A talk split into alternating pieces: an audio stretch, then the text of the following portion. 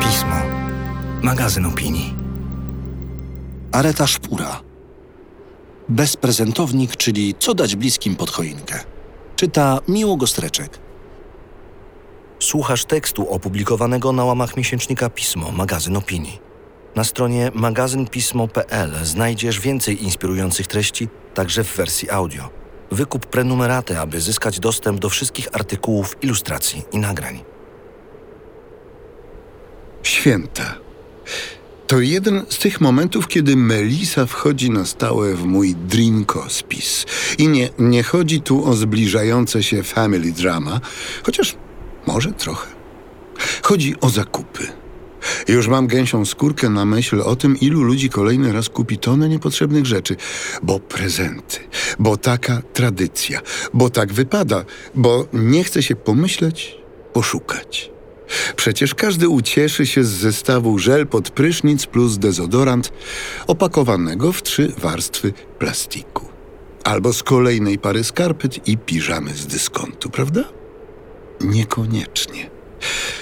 Jak to się stało, że w ciągu jednego pokolenia przeszliśmy od czasów, kiedy święta to był ten jedyny, wyczekiwany moment w roku, do chwili obecnej, w której nie mamy już pomysłu, co kupić naszym bliskim, bo mają wszystko.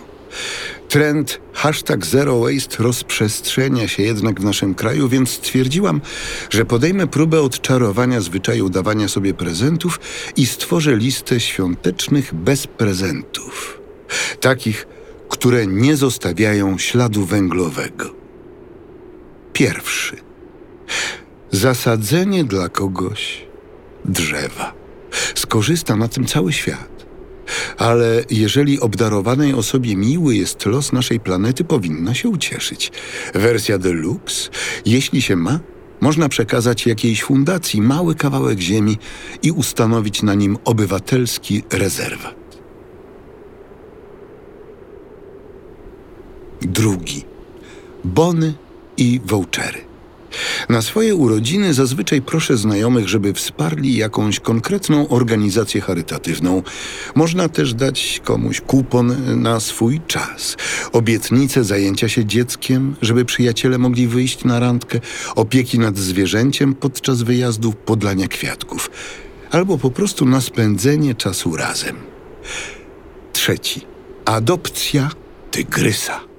Albo foki, wilka, rysia, a nawet morświna. Bez obaw.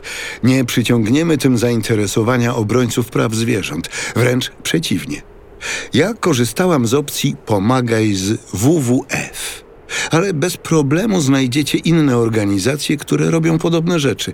Można wydrukować specjalny certyfikat prezentowy i oprawiony w ramkę dać przyjacielowi. Czwarty.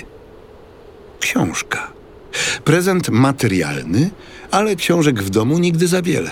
Może być z recyklingu, czyli wirtualnego albo stacjonarnego antykwariatu. Z zachętą, by puścić ją potem dalej w obieg.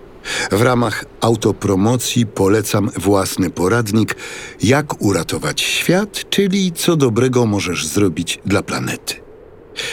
Piąty. Bilet do teatru in blanco, na wybrany przez obdarowaną lub obdarowanego spektakl albo na konkretne przedstawienie z repertuaru na 2020 rok. Szósty. Egzemplarz pisma. Polecam akcję zapoczątkowaną przez jedną z czytelniczek Oddaj pismo sąsiadowi lub sąsiadce. Puść w obieg archiwalne numery. Może w twojej okolicy jest ktoś, kto chętnie do nich zajrzy. Sąsiadka z bloku obok, dziadek lub nastoletni syn znajomych. Pamiętaj, pismo to magazyn bez terminu ważności. Siódmy. Zdrowie. Kiedy ktoś narzeka na brak czasu dla siebie, dobrym pomysłem jest kupienie mu karnetu na jogę, masaż albo wizytę w salonie spa. Czasami trzeba potem dopilnować, żeby prezent został wykorzystany przed upływem terminu ważności, ale czego się nie robi dla dobrostanu najbliższych. Bliskiej osobie można też wykupić pakiet badań kontrolnych. Ósmy. Eko-gadżety.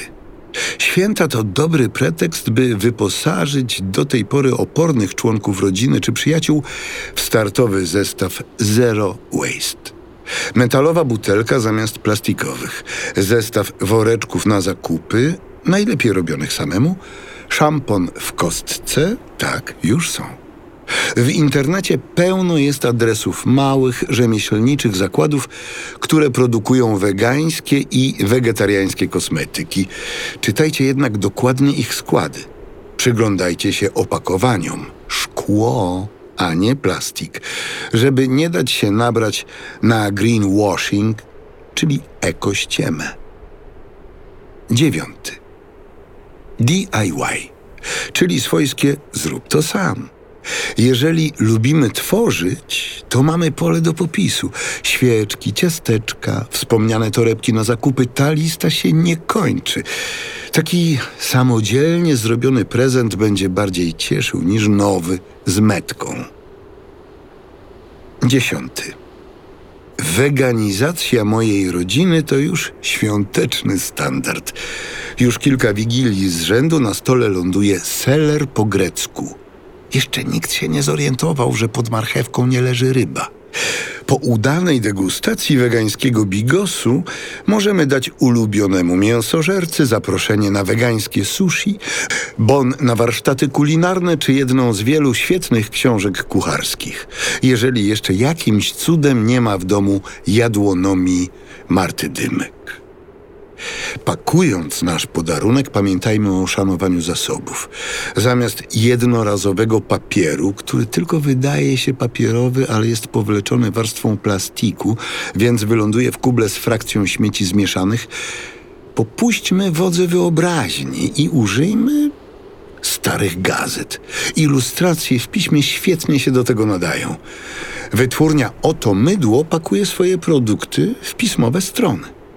Albo Zainspirujmy się japońską sztuką furoshiki, czyli owijania prezentów w kawałki materiału, które potem możemy ponownie wykorzystać. Pamiętajcie, w święta nie chodzi o stanie godzinami w kolejkach, by kupić cokolwiek, a o wspólne oglądanie Kevina samego w domu w piżamach, nad jedzeniem pozostałym z wigilii. Jeśli nie przejecie wszystkiego, przekażcie resztę jadłodzielniom. Liczba takich miejsc stale rośnie, tak jak grono wkręconych w ideę food sharingu, czyli dzielenia się posiłkami i półproduktami nie tylko od święta. Świat najlepiej zmieniać, dając samemu dobry przykład. A więc do dzieła.